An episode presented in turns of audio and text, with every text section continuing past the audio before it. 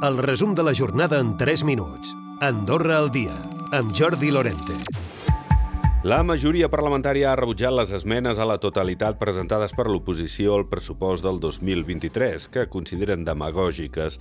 Els socialdemòcrates creuen que no és ni l'adequat ni el necessari per afrontar el context actual, retreuen al govern la manca de previsió i no ve a acceptar les seves propostes per fer front a la inflació, la pèrdua del poder adquisitiu i la problemàtica de l'habitatge. Per a tercera via, també ha mancat previsió del govern, però hi afegeix també la manca de rigorositat. El grup parlamentari proposa establir un pla de consolidació fiscal i de les finances públiques i disposar d'un marc tributari eficient. I pel que fa a la consellera general no escrita, Karim Montaner considera que la previsió d'ingressos són massa optimistes. I Copalsa assegura que al desembre es resoldran els problemes de manca de conductors que impedeix ampliar correctament el servei.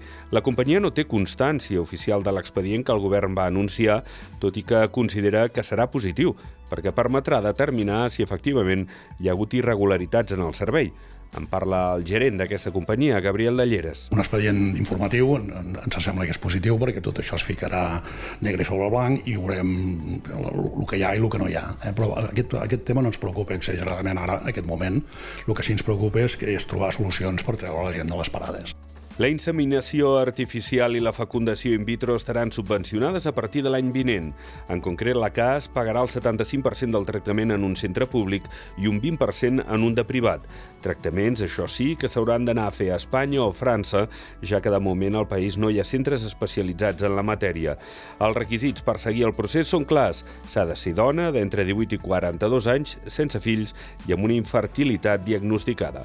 Albert Font, ministre de Salut. Ens han volgut cenyir específicament a l'aspecte purament sanitari, és a dir, del diagnòstic d'infertilitat. Totes les derivacions, totes les declinacions eh, són aspectes que no són purament sanitaris, sinó més aviat d'àmbit sociològic. Els territoris de muntanya tenen una especial vulnerabilitat enfront al canvi climàtic i cal visibilitzar-los i buscar més protecció. Amb aquesta premissa, Andorra ha organitzat una trobada amb una quinzena de països en el marc de la COP27.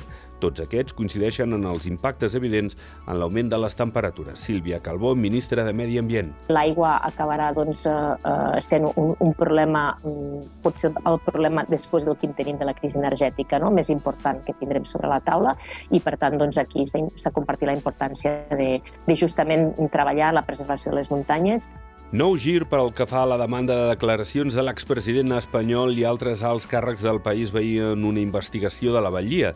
Rajoy ha aconseguit paralitzar la comissió rogatòria d'Andorra perquè declarés per pressions i coaccions a ciutadans andorrans. L'Audiència de Madrid ha estimat un recurs de Rajoy i ha canviat la decisió que la mateixa institució va expressar el passat octubre. Recupera el resum de la jornada cada dia a Andorra Difusió.